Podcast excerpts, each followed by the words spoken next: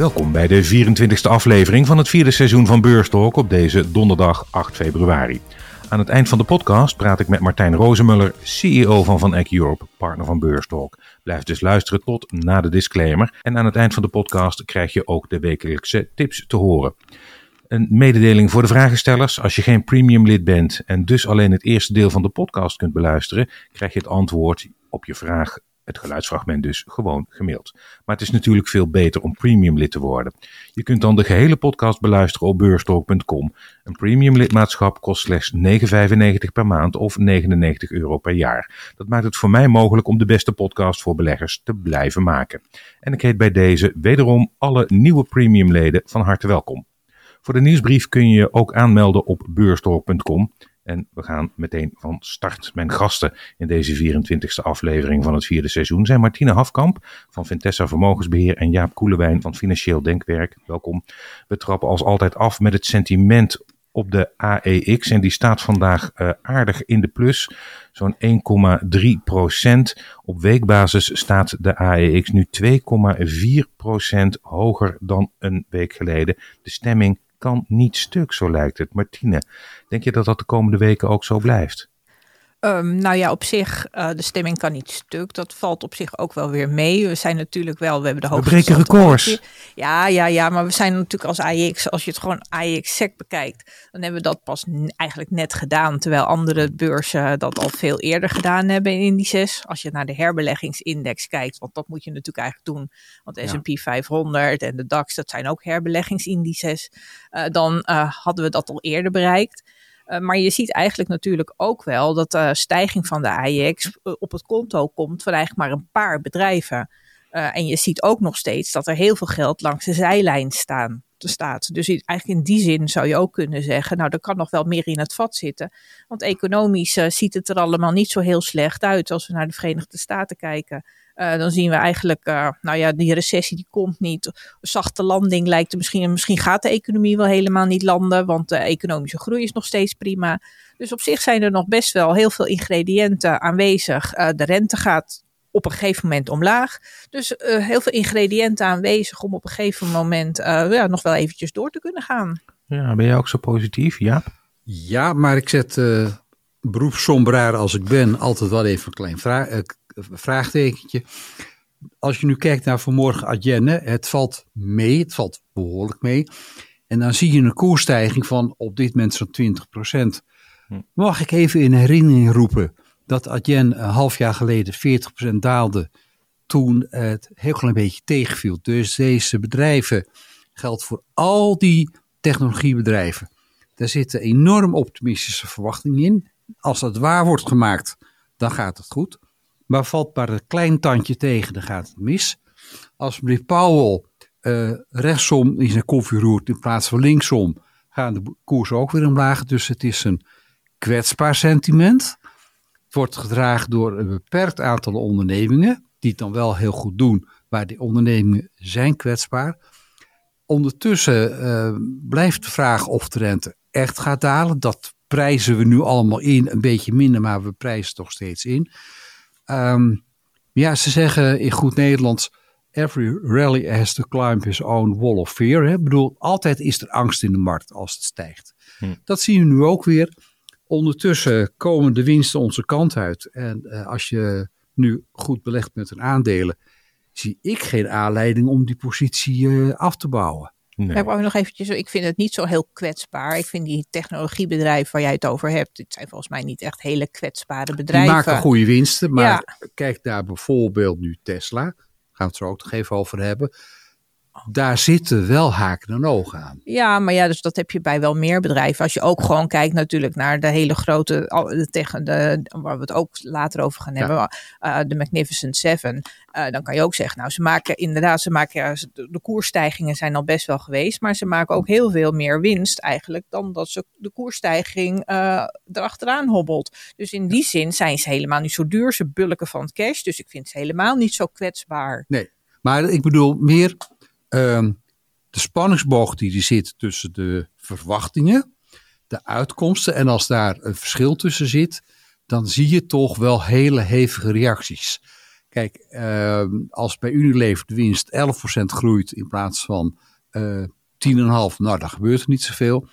Maar zie je bij Google dat de winstgroei minder hoog is dan verwacht, of als er iets wordt geroepen over advertentieinkomsten, dan kun je hevige reacties zien. Ja, maar dat kan ook weer mooie uh, instapmomenten. Kan ook omhoog zijn. ja. Nee, daar ben ik helemaal met je dus, Ja, en met Adyen is natuurlijk een beetje, nou ja, dat wordt de, is opeens de yo-yo van de AX geworden. Die ging natuurlijk naar beneden heel hard. En nu is de, over de koersreactie de andere kant misschien ook wel weer heel hard. Want als je per saldo kijkt, staan we nu weer op het de koers van 2, mei 2023. Dus het is weer net uh, alsof er niks meer gebeurd is. Maar je bent wel spuugmichelis.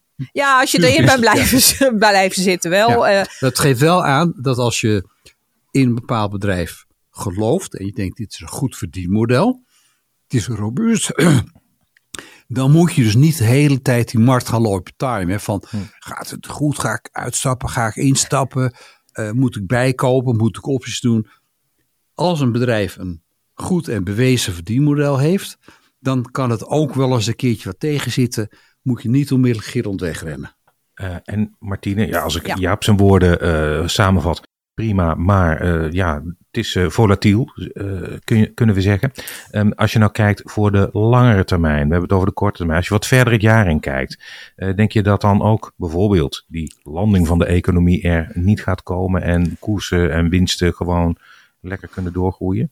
Nou ja, op een gegeven moment, je ziet dat de winstrecessie achter de rug is. En op een gegeven moment zal de Fed, uh, bedoel, de richting van de beweging is nu eenmaal omhoog. Want op een gegeven moment gaat die hogere rente wel bijten. Wat je natuurlijk bij grote beursgenoteerde ondernemingen ziet, die hebben zich de afgelopen jaren heel goedkoop kunnen herfinancieren. Die hebben dat via uitgifte van obligaties kunnen doen. Uh, nou, dus die zitten gewoon goed gefinancierd met lange looptijden. Dus die hebben er voorlopig geen last van. Je ziet natuurlijk bij kleinere bedrijven die meer afhankelijk zijn van banken, dat dat wel natuurlijk, daar heb je wel last van een hogere rente. Dus die zijn veel kwetsbaarder. Uh, maar als je dus denkt van, nou ja, of nou. Uh, die renteverlagingen, zegt de Fed zelf ook, die komen er wel. Weet alleen nog niet de tijdstip waarop. Um, en inflatie 2%, het is geen heilig doel, maar het moet wel meer bevestiging daarvan hebben. Maar op zich, ook daar, de richting van de beweging is wel die kant op. Dan denk ik voor de langere termijn dat je, nou ja, bedoel, ik ben niet negatief in, in ieder geval over de markten. En ik zeg, bedoel, de markt is nog nooit in één rechte lijn omhoog gegaan. Het is altijd volatiel. En, en, ieder ja. jaar, en ieder jaar hè, hebben we wel een, wel een, dipje van minimaal 10%. Alleen, ja, ja, en al, al, alleen eh, als het daarna weer lekker oploopt, is iedereen dat weer vergeten. Hm. En uh, dus dat, dat, zal nu ook zijn. Ik bedoel, het is niet zo dat we ineens iedere dag uh, lekker crescendo omhoog gaan. Dat gaat nee. niet gebeuren, want nee. er zijn heel veel onzekerheden. Ja. Wat mij hoop geeft. De grote angst was natuurlijk uh, dat toen die inflatie zo op begon te borrelen, dat uh, er een loonprijsspiraal zou ontstaan. Ik las vanmorgen een commentaar van oud-CPB-directeur Wim Suiker. Die constateerde fijntjes dat de huidige contractloonstijging achterblijft bij de inflatie. Hm. Dat betekent dat onze angsten, behalve dan de Duitse vakbonden die 21% vragen, dat de inflatie uit de hand gaat lopen vanwege de loonsprijsspiraal. Want dat was echt dodelijk geweest voor, uh, voor de rente. Die zit er, zoals het er nu naar uitziet, vooralsnog niet in. Dat betekent dat de machtsverhouding in de economie tussen arbeid en kapitaal ten voordele nog steeds van kapitaal blijven. Loonstijgingen zullen gematigd blijven. Je ziet natuurlijk wel in bepaalde sectoren dat het hard gaat. Hè? Bijvoorbeeld in het onderwijs, in de zorg. Daar sprake van inhaalslag. geloof dat de Haagse trambestuurders er 16% bij krijgen. Maar vanaf een laag niveau en over een langere periode. Die mensen krijgen uiteindelijk op zijn best een compensatie voor de inflatie. Hm. Dus dat à la de jaren 70, dat een aantal jaren op rij de lonen veel en veel harder stijgen dan de productiviteit. Dat zie ik niet gebeuren. Het zou mooi zijn voor de beurskoersen als uh, we erin slaagden de productiviteit van de economie te verbeteren. Maar dat is een heel andere discussie. Ja. ja, en voor de beurzen moet je natuurlijk ook vooral kijken weer naar de Verenigde Staten. En daar zag je natuurlijk in de arbeidscijfers dat daar de loongroei eigenlijk wel ietsje sterker was dan verwacht. Waardoor de Fed ook weer wat ietsje terughoudender werd dan ja. met het aankondigen van renteverlagingen. Maar ja, het is natuurlijk wel, uh, het is goed, want wat je nu ziet is dat de reële rente echt hoger is natuurlijk, ja. structureel hoger. En dan gaat de, is de Fed dus eigenlijk nog steeds van zelfverkrappend beleid aan het voeren. Ja. En maar, het is niet dat er een loongolf door de economie nee. gaat. Nee. Maar Martine, sprekend over uh, dat rentebeleid uh, van de Fed, hè, het blijft dus uh, wat langer hoger, zoals het heet in, in de media. Dat moet toch op een gegeven moment ook gaan doorwerken in de economie. Met name bedrijven die niet zo'n sterke balans hebben als de techsector. normaal gesproken zou je zeggen, langer, hogere rente. Nou, niet zo best voor aandelen. Dat zie je nu niet gebeuren. Nee, uh, eigenlijk, uh, daarom, dat is wel wat ik daar straks ook zei. Eigenlijk zie je dat de, in ieder geval de Amerikaanse economie uh, minder afhankelijk is geworden van de rente. En dat hmm. komt dan natuurlijk een beetje ook door die, die echt niet natuurlijke situatie zoals we die de afgelopen paar jaar hebben gehad. Met die natuurlijk onnatuurlijk laag gehouden rente. Hmm. Um, en natuurlijk gaat dat op een gegeven moment bijten. En daarom zal de Fed op een gegeven moment ook echt wel iets gaan doen. Ja. Maar ja, dat is voorlopig dus. Je krijgt ook een beetje, dat, is ook weer die tweespalt natuurlijk tussen en die grote ondernemingen en dat, die kleinere die veel meer afhankelijk zijn van de banken. Uh, dan gaat dat op een gegeven moment natuurlijk wel tegen elkaar inwerken. Die enorme groei van de beurzen, het is al uh, gemeld, ja dat komt natuurlijk door die Magnificent Seven, de Googles van deze wereld, Alphabet. Uh, dan zie je daar ook wel een, een, een tweespalt in, want ja, bijvoorbeeld Tesla, ja, noemde het al, Um, dat uh, kachelt eigenlijk achteruit. Dat zie je helemaal uithollen. Die Magnificent Seven, dat is ook niet echt een gegeven. Dat gaat verschuiven waarschijnlijk binnenkort. Ik denk van wel. Um, je ziet bij een aantal van die Magnificent Seven wel issues spelen. Tesla is een duidelijke, die heeft last van opkomende concurrentie. Uh, moet zijn prijzen verlagen om zijn volumegroei op peil te houden. Ja, dat gaat ten koste van je winst. Je kunt niet oneindig je prijzen verlagen en je winstgroei op peil houden. Hm. Dat zie je nu met Tesla gebeuren. Die hebben last van de Chinezen. Maar ook in Europa zie je dat er uh, concurrenten op het uh, speel, speelveld verschijnen. Volkswagen, Renault, met goedkope modellen. Uh, ook met een groot bereik. Ja, en dan, dan zie je dat die goedkoper zijn dan Tesla's van deze wereld of even duur. En dan heb je dus als Tesla een serieuze concurrent aan boord. Hmm. En dat uh, die voorsprong die ze hadden van, van uh, de eerste grote producent van, van, uh, van elektronische auto's. Bedrijf met een geweldige uitstraling, ook een geweldige topman. Die volgens mij net gek is, maar een geweldige topman. Zo'n spel is op een gegeven moment uitgespeeld dan, dan verdwijnt die voorsprong. En dan, dan krijg je een situatie dat uh, Tesla uh, een commodity gaat worden. Een kunstje dat iedereen kan. Hm. Nou, en daar heeft Tesla heel duidelijk last van. En dan, ja, ze moeten met steeds weer goedkope modellen op de markt komen. Ze moeten hun best doen om de Chinezen uh, van zich af te schudden. Ja, dat is een weinig benijdenswaardige positie. Ja. Maar ja, dat, dat Magnificent Seven, de, maar de aandelen of de bedrijven die nu het groot zijn, het is door de tijd heen natuurlijk ook altijd dynamisch. Hè? Als je ja, kijkt welke tuurlijk, er in ja. de 2000, uh, zeg maar, dat, dat lijstje uitmaakte. Alleen Microsoft staat er nog Ja. tussen. Ja. Dan hadden we IBM en dat zijn nog steeds hartstikke, en Walmart, en het zijn nog steeds hartstikke goede bedrijven. Alleen Ja. zijn niet meer zo groot als toen. Dus het is ook goed. Quest. Ja, ja, maar dat is dan, ik had het over de Amerikaanse beurs. Ja. Nee, maar ik bedoel, dus dat is wel iets van alle tijden. En je ziet dan ook wel weer dat natuurlijk andere bedrijven dan weer opstomen om daar een plaats van in te nemen. En, en ja, Magnificent Seven staat er technologiebedrijven, maar het zijn natuurlijk ook hele andere bedrijven. En met wat jij terecht zelf Ja. eh, net ook zegt, met hele andere issues. Hele andere vorm van dienstverlening ook. Ja, Hele andere verdienmodellen. En ik laat mijn studenten wel eens de AEX uit 1983 zien. ja, En er is, wie van jullie kent deze bedrijven nog? WUH staat erin. Eh ABN AMRO, ABN en AMRO staan erin. Ja, eh ABN AMRO was eh 20 jaar geleden een van de grootste beursgenoteerde AEX-bedrijven. Nou, nog even doorgaan, het zakt af naar de midcap. Ja, Ja. maar dat is natuurlijk ook, hè, banken zijn, en als je dan daar weer naar kijkt, banken in Europa, die zijn natuurlijk bijna gedecimeerd in marktwaarde. En in de Verenigde Staten hebben, hebben ze het wel beter gedaan wat dat betreft. Dus ja, je moet altijd gewoon, eh, het is heel makkelijk om van alles op één hoop te Ja. schuiven, maar dat moet je vooral niet doen. Inderdaad.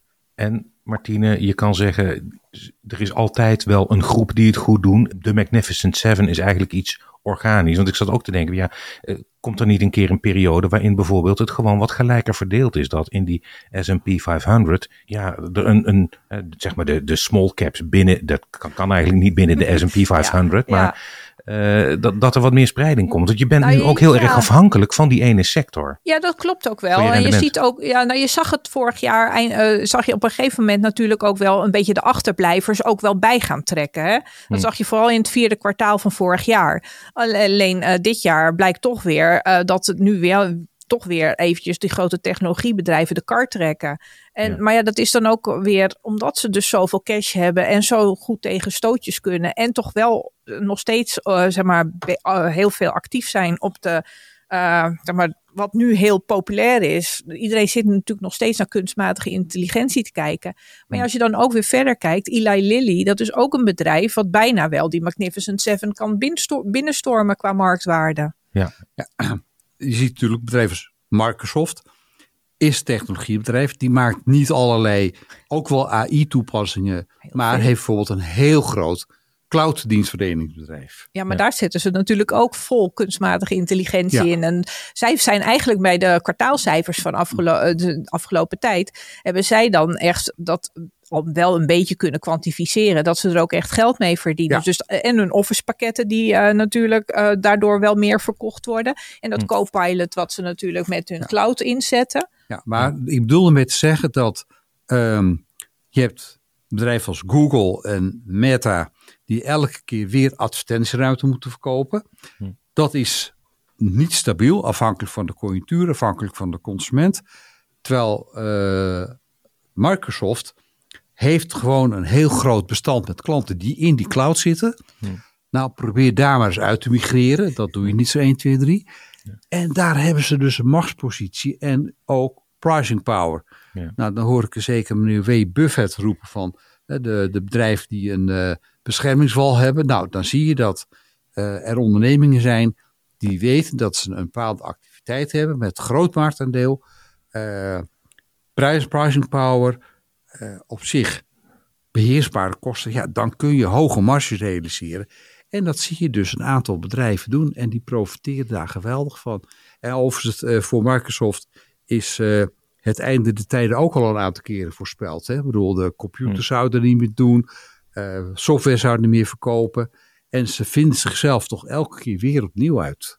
Martine, ehm, Ja. wat nog niet gevallen is, als je het hebt over risico's, en wat ik ja, toch wel opmerkelijk vond eh, afgelopen week, eh, de New York Community Bank. Ehm, die is vooral actief in de vastgoedsector. En dat gaat niet bepaald lekker. Eh, als gevolg van de malaise, met name in New York op het gebied van vastgoed, leidt die bank verliezen. En kredietbeoordelaar Moody's heeft de kredietstatus verlaagd naar junk. Buitenlandse banken hebben over honderden miljoenen eh, dollars voorzieningen moeten nemen. Is dat niet iets waar je met angst en beven naar kijkt? Nou ja, ja aan eh, Janet Yellen, eh, dus de minister, minister van Financiën, die zegt het risico is beheersbaar. Ja, nou ja. Dan word ik altijd een beetje nerveus. Ja, nou ja, ze kan natuurlijk ook weinig anders zeggen. Dus daar heb je wel gelijk in natuurlijk. Maar als je ziet, ze hebben natuurlijk ook Signature Bank overgenomen. Dus het is ook een combinatie van factoren. Wat natuurlijk wel het nadeel is van vastgoedbeleggingen. Is dat nou ja, leegstand, dan krijg je geen huur binnen. Dus zo moeilijk is het niet. Eh, dus dat is anders als de problemen die er vorig jaar waren met een aantal regionale banken. Want dat was natuurlijk door de rente en de afwaardering dan van obligaties. Was, dat was het probleem daar. Als je die dan op nominale waarde gaat zetten, dan, dan, eh, dan kan je, heb je weer een beetje ademruimte. Hm. Eh, dat kan je met vastgoed natuurlijk niet doen. Dus in die zin is het, ja, het is een risico. Maar ja, dat is inmiddels ook wel natuurlijk helemaal ingeprijsd. En dan is het voordeel weer van de Verenigde Staten dat er heel veel wat kleinere zeg maar relatief kleinere voor daar eh, regionale banken zijn. En misschien zullen daar nog wel een paar van omvallen. Want je ziet het natuurlijk eigenlijk wereldwijd al nog steeds dat vastgoed wel een beetje dooretteren. Je zag het ook in Japan en je ziet het natuurlijk nou in extremo in, eh in China. Ja. Maar ja, je hebt er hier eh, ook heb je van allerlei leegstand. Dus het is wel een, eh, een nou je niet eens helemaal onder de oppervlakte. Maar het is wel iets wat gewoon door eh, moddert, laat ik het dan zo zeggen. Ja, eens, maar het is niet een systeemrisico. Nee. Eh, Nee? In 2008 hadden wij probleem, want de wereld was gefinancierd met allerlei moeilijke obligaties, die niemand eigenlijk goed begreep en niemand wist wat de risico's waren. We weten nu van, daar zit een probleem. De, de Duitse warenhuizen, KDW gaat weer failliet. Ja, die hebben een uh, aandeelhouder die tot over zijn oren vol zit in de schulden. Uh, daar is al 100 miljoen overheidsgeld achteraan gegaan. Maar we weten wel, dat is een probleemgeval. En dan zal op enig moment, zal daar uh, een, een chirurg langs moeten komen die iets gaat amputeren. Hm. Nou, en dat gaat gebeuren, maar het is niet zo dat dan de hele uh, sector omvalt. En ja, misschien uh, komt de eigenaar van de bijenkorvel in de problemen. Maar dat wil niet zeggen dat de hele vastgoedsector, hele economie omvalt. En dat we ook van allerlei obligaties niet weten welke risico's zijn. Nee, we weten van dat zijn de eh, bedrijven die problemen hebben. Daar moet iets aan gebeuren. Daar moeten we op afwaarderen. En dan komt het gebruikelijk spelletje weer. Uh, we weten dat het zo is. Uh, er wordt hier wat opgelapt, wordt daar wat opgelapt. En ondertussen laten we de tijd zijn werk doen, zodat er uiteindelijk wel een soort oplossing komt. Hier een beetje, daar een beetje, afwaarderen, wat verkopen, uh, nieuw geld erin. Er moeten een paar mensen hun pijn nemen, moeten een paar mensen heel veel pijn nemen. Maar het is niet dat de hele economie daardoor omver wordt getrokken. Nee, maar het hm. is natuurlijk wel zo dat uh, als, als banken dus vast, zwaar in die vastgoedfinancieringen zitten. En zo, vooral als het een wat kleinere bank is die wat minder gediversifieerd is. Dat je dan natuurlijk wel daardoor problemen, ontstaan, ja, dat daardoor problemen ontstaan. Ja. En, uh, maar ja, dat is inderdaad, kijk, zo, daarom zei ik ook, er zullen best een paar regionale banken misschien omvallen. En je zag het in Duitsland, zie je ook al een uh, bank die dan met die pfandbrieven, dat dat hetzelfde de verhaal... De klassieker, ja. ja, ja uh, Wilfred Nagel, voormalig hoofdrisicomanagement van ING, die zei: Rottigheid in deze wereld begint met problemen met vastgoed. Hmm. Overmatig gefinancierd, uh, gebaseerd op optimistische verwachtingen, veel geld, veel vreemd vermogen aangetrokken. Dan stopt die prijsstijging, dan gaat de rente stijgen, dan gaan de uh, waarden van onderliggende assets gaan omlaag. En dan voelen wij op het moment heel veel pijn. Ja, en die pijn kan groot zijn, die kan niet zo groot zijn. En hij is nu middelmatig groot. Voor we naar de break gaan, wil ik nog even stilstaan bij Orsted. Ik weet niet of ik het goed uitspreek, maar het is in ieder geval een grote speler op het gebied van windenergie en heeft last van, haha, tegenwind. Het ehm, bedrijf keert geen dividend uit, investeert minder in windparken, schrapt honderden banen, uh, schrapt ook initiatieven in Amerika. Martine, uh, alternatieve energiebronnen zijn cruciaal in de energietransitie. Moeten beleggers desalniettemin pas op de plaats maken? Of vind je dit soort bedrijven sowieso niet zo interessant? Uh, nou, ik heb er zelf een tijd in belegd en ik ben er ook alweer een tijd uit. Want hm. de afgelopen drie jaar heeft het bedrijf ongeveer twee derde van zijn beurswaarde verloren. Ja. Uh, dus dat is dan niet echt uh, dat je denkt van nou, daar word ik heel enthousiast van. En het is nu natuurlijk dat ze naar de toekomst toe ook inderdaad minder gaan investeren. Ze hebben last van hoge materiaalkosten. Je bent natuurlijk echt heel afhankelijk van hoeveel wind waait er. Um, ja, ze hadden dus in Amerika, hebben, daar hebben ze al 4 miljard op afgeschreven. Um, en ja, als je dat dus andere, door andere projecten project een streep zet en je moet misschien nog wel weer een nieuwe financieringsronde aangaan, ja, dan is dat niet echt uh, een garantie voor succes als belegger. Alleen het feit is wel natuurlijk, je moet er wel mee door. Je, ik denk dat je ook al het bij moet hebben. Uh, want we zitten nou eenmaal wel in die energietransitie en het wordt allemaal wel steeds belangrijker. Ja, ja. En zij gaan nu natuurlijk wel uh, in de kosten snijden. En uh, ja, dat moet ook wel, want je moet toch ergens nog, uh, wil, anders heb je helemaal geen bestendig businessmodel. Maar het, ja, Urset is wel zo'n voorbeeld van een bedrijf wat van eigenlijk een fossiele energie voorziener helemaal omgeschakeld is. Dus natuurlijk naar groene energie. Ja, twee kanttekeningen. Um, het bedrijf is heel renteafhankelijk, omdat ze zeer kapitaalintensief zijn. Ja. Op de lange termijn helpt ook allemaal niet.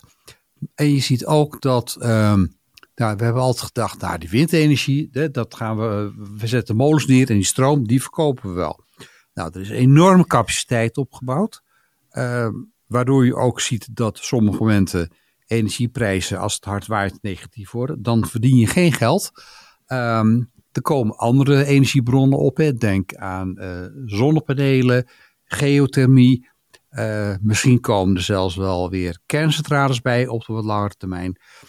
Die, die hele duurzame markt is een enorme verdringingsmarkt van uh, het is of wind of uh, zon of getijden of kernenergie.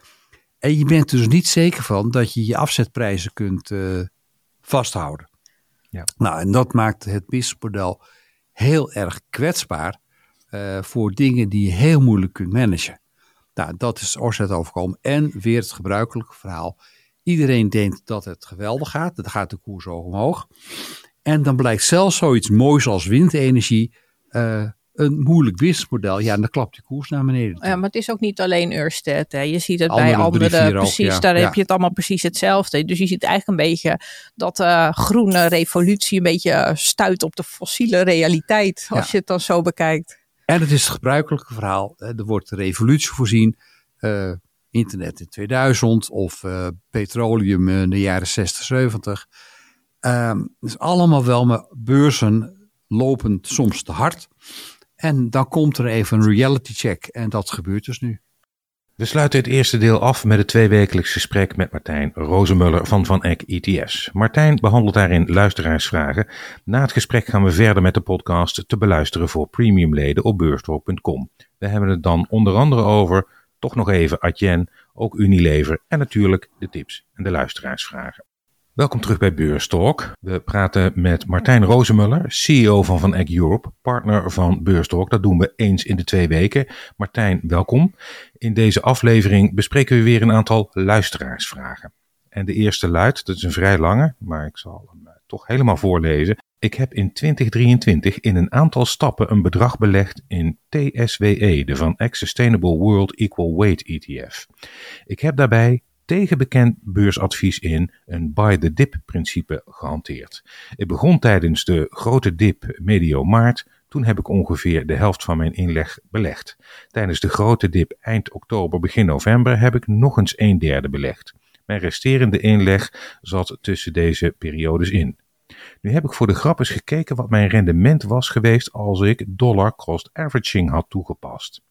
Het resultaat, terwijl ik met mijn buy the dip strategie een rendement van 9,7% heb behaald, was dat met een DCA-inleg per maand 5,3% geweest en met een DCA-inleg per kwartaal 4,8%. Ik heb mijn gemiddelde aankoopprijs ruim 4% lager weten te houden. Een leuke uitkomst, maar ook lastig. Ik beleg voor de lange termijn en eigenlijk zou ik me liever niet bezighouden met het volgen van de markt. Desondanks blijkt dat ik met Buy the Dip mijn rendement kan verdubbelen. En ik vond het eigenlijk niet eens zo heel moeilijk om de enorme dips dit jaar te timen. Toch voel ik een enorme adder onder het gras aankomen. Is dit waar de gevaarlijke zelfoverschatting begint? Kan Martijn mij overtuigen om toch met een gerust hart de beurskoersen te negeren en voortaan weer lekker saai aan de DCA te gaan? Red mij! nou, ik, ik, voel me nu een beetje als Mona in een uh, welbekend uh, damesblad. Die uh, altijd adviezen moet geven om mensen te behoeden voor allerlei fouten op het re relationele vlak. nou, ik ga kijken of ik dat kan doen op het financiële vlak.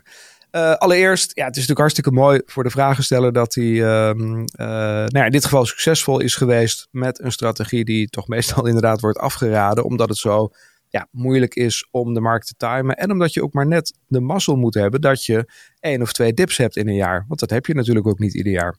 Nee. Um, dus ik zou zeggen dat het in dit geval toch uh, uh, ja, hè, misschien meer geluk dan wijsheid geweest is. Alhoewel het wel enige discipline vergt natuurlijk om op het moment dat de dips zich voordoen ook daadwerkelijk te gaan kopen. Hè. Sommige mensen vinden dat dan ook nog wel spannend. Um, maar met name vanuit de gedachte dat je niet weet of er in de toekomst hè, vaker dips zullen komen. Uh, ja, is het misschien toch slimmer om het te laten gaan. Hè? De vragensteller geeft zelf ook al aan dat hij er eigenlijk ja, niet op zit te wachten om er zo uh, intensief mee bezig te zijn. En uh, ja, dat zou ik dan ook echt afraden. Daar komt bij dat over het algemeen voor de meeste mensen geldt dat op het moment dat zeg maar, die eerste stap gezet is en de lump sum belegging gedaan is, ja, dan zal het vanaf dat moment toch zijn dat er iedere maand hè, een bedrag uh, belegd gaat worden van, nou ja, laten we zeggen, het inkomen dat over is. Dat betekent dus dat je ook niet zo heel veel keuze hebt. Hè. Stel, uh, de eerste dip komt al gelijk uh, komende maand. Ja, nou goed, dan heb je toch maar een klein stukje om te beleggen. Dus ik zou echt meer die automatische piloot kiezen. Uh, ik zou heel blij zijn met, laten we het maar even het beginnersgeluk noemen nu aan het begin. Hè, want die winst, die neemt niemand de vragensteller meer af. Maar ja, vooruitkijkend zou ik echt met klem willen aanraden. Probeer nou niet erop te vertrouwen dat de markt op deze manier te timen blijft. Um, tuurlijk, het zou misschien best nog een paar keer goed kunnen gaan. Maar uh, ja, wellicht is de vragensteller toch de uitzondering op de regel. Blijft gevaarlijk, ja. Wat je altijd hoort, althans ook heel vaak in, in, de podcast uh, van Beurstalk. Timen op de lange termijn. Dat je kunt niet structureel de markt precies timen. Want ja, zoals dat heet, op de bodem en op de top gaat geen belletje. Het is meer geluk dan wijsheid. Mag ik dat zo zeggen? Ja, zo mag je het zeker zeggen. En uh, natuurlijk voelt het af en toe uh, uh, ja, makkelijk hè, als het één of twee keer gelukt is. En ik denk eigenlijk dat de vragensteller het zelf ook al mooi verwerkt in de vraag: is dit het begin van, van die bekende zelfoverschatting? ja, ik denk voor veel mensen is dat inderdaad, als het één of twee keer goed gaat, is dat het teken van hé, hey, ik, ik snap het kunstje heel goed. En ja, dan zie je vervolgens toch dat het vaak misgaat. Ik, ik heb het overigens in mijn carrière als beurshandelaar op de optiebeursvloer ook best vaak zien gebeuren dat handelaren dan één of twee keer het geluk aan hun zijde hadden en eigenlijk steeds overmoediger werden en, en ook steeds nou ja, groter dat gelijk probeerden te creëren. En dan ja, vroeg of laat uh, gaat het mis. En dat heeft uh, in mijn historie, heb ik ook wel eens mensen daar vier op zien gaan. Dus ik zou er heel terughoudend mee zijn. De tweede vraag, Martijn die moet ik even bij je inleiden. Ik heb uh, op de site een gesprek uh, gepubliceerd, uh, alweer een aantal maanden geleden, met een van de auteurs, Joram Bronsema, van het boek De Hangmatbelegger. En dat boek is eigenlijk één pleidooi voor beleggen in ETF's. Passief beleggen. Misschien ken je het boek. Ja, zeker, ik ken het. Daar is een vraag over uh, binnengekomen. Ik heb een vraag aan Martijn Rozenmuller naar aanleiding van het boek De Hangmatbelegger dat ik via Beurstalk heb mogen ontvangen. In de modelportefeuilles van de hangmatbelegger wordt de kern steeds gevormd door een ETF die de MSCI All Country World Investable Market Index volgt. Deze bestaat uit maar liefst 2610 bedrijven en heeft een lage lopende kostenfactor van 0,17%, maar is genoteerd in Amerikaanse dollars, dus met valutarisico. Zelf beleg ik in de Van Eck Sustainable World Equal Weight ETF, die ook een lage lopende kostenfactor heeft, 0,2%, genoteerd in euro's en dus zonder valutarisico, maar met slechts 251 posities. In hoeverre weegt het extra risico van de All Country World Investable Market in dollars aan de ene kant af tegen het extra risico van veel minder aandelen in de Van Eck ETF, maar wel in euro's? En heeft Van Eck ook een wereld-ETF met meer posities, of is er bewust voor gekozen om dat niet te doen? Nou, uh, goede inleiding. Uh, leuke vraag. En uh, nou, gelukkig ook een, denk ik, bevredigend antwoord waar ik nu aan zal beginnen. Um, nou, laat ik beginnen met aan te geven dat er één aspect is wat eigenlijk het allerbelangrijkste is als je deze twee producten met elkaar vergelijkt. En dat heeft de vraagsteller nog niet benoemd. Maar dat is het fiscale aspect. Ja. De MSCI in ETF e die genoemd wordt, is een Ierse ETF die ja, last heeft van wat ik dividendlekkage noem. Dat betekent dat je de uh, dividendbelasting die afgedragen wordt door de bedrijven die het dividend aan de ETF geven, misloopt. En dan kan je misschien denken van goh, uh, Ierland kent een 0% belastingtarief of uh, misschien is het wel een herbeleggende ETF en, en zie ik dat überhaupt niet. Um, maar je loopt gewoon een stukje mis. Nou, als je dat op pak een beet 2, 2,5% dividendrendement per jaar bekijkt, dat stukje wat je misloopt is 15% dividendbelasting, hè, dan praat je over zo'n 30 basispunten. Dus het feit dat de MSCI World ETF drie basispunten goedkoper is in fee, wordt ruimschoots niet gedaan door de 30 basispunten die je aan dividendbelasting jaarlijks misloopt. Dus uh, dat, dat, is denk ik het allerbelangrijkste waarom de TSW een goede keuze is. Uh, als je dan gaat kijken naar het valutarisico, dan is daar eigenlijk niet zoveel verschil. De TSW is weliswaar genoteerd in euro's en de MSCI ETF genoteerd in dollars. Maar beide beleggen onderliggend in wereldwijde bedrijven in hun lokale valuta. En in beide gevallen wordt dat valutarisico uh, nou ja, gelaten voor wat het is. Hm. Um, dus ondanks dat je de TSWE in dollars koopt en op je rekening ziet staan, uh, zit daar wel degelijk ook een valuta-aspect in, omdat alle onderliggende beleggingen in de lokale valuta's zijn. Hè, dus dat moet je realiseren. Voordeel is wel, omdat er zoveel verschillende landen in zitten, en dat geldt zowel voor de MSCI-ETF als voor de TSWE, omdat er zoveel verschillende landen in zitten, zitten er veel verschillende valutaparen in. En ja, de kans dat die allemaal uh, dezelfde kant op bewegen in het nadeel van de euro is relatief klein. Um, dus zeker voor de buy-and-hold belegger op lange termijn uh, is dat valutarisico niet zo'n probleem. Nou, er blijft alleen nog over het aantal namen. En als je de gemiddelde wiskundige zou vragen, hoeveel heb je nodig in een steekproef om representatief te zijn en, en, en wat voegt dan eventueel nog iedere volgende naam toe? Dan kom je er al snel achter dat vanaf een nou ja, vijftigtal uh, steekproeven is het eigenlijk al, nou ja, zeg maar, wordt het steeds minder nuttig om nog iets extra's toe te voegen. Dus de 250 die wij ooit gekozen hebben, hè, hebben we heel bewust ruim boven die 50 gekozen. Hm. Maar hè, ook in het besef dat heel veel meer niet zo heel veel toevoegt, behalve dat het steeds meer kosten met zich mee gaat brengen om al die namen te moeten herwegen. Als je dan ook realiseert dat wij met die 250 namen een gelijkgewogen uh, index volgen. Hè, dus de eerste naam is eigenlijk net zo zwaar als de laatste naam. Maar de MSCI heeft een market cap gewogen index. Hè, dus de bovenste 10, 20 namen zijn al vaak nou, zo'n 10, 20 procent van die index. En laten we zeggen dat de bovenste 250 namen van de MSCI, nou dan zit je al tegen de 70, 80 procent, vermoed ik even uit mijn hoofd. Dus hè, je kan je afvragen of het aantal namen nou wel zo heel veel zegt over de spreiding.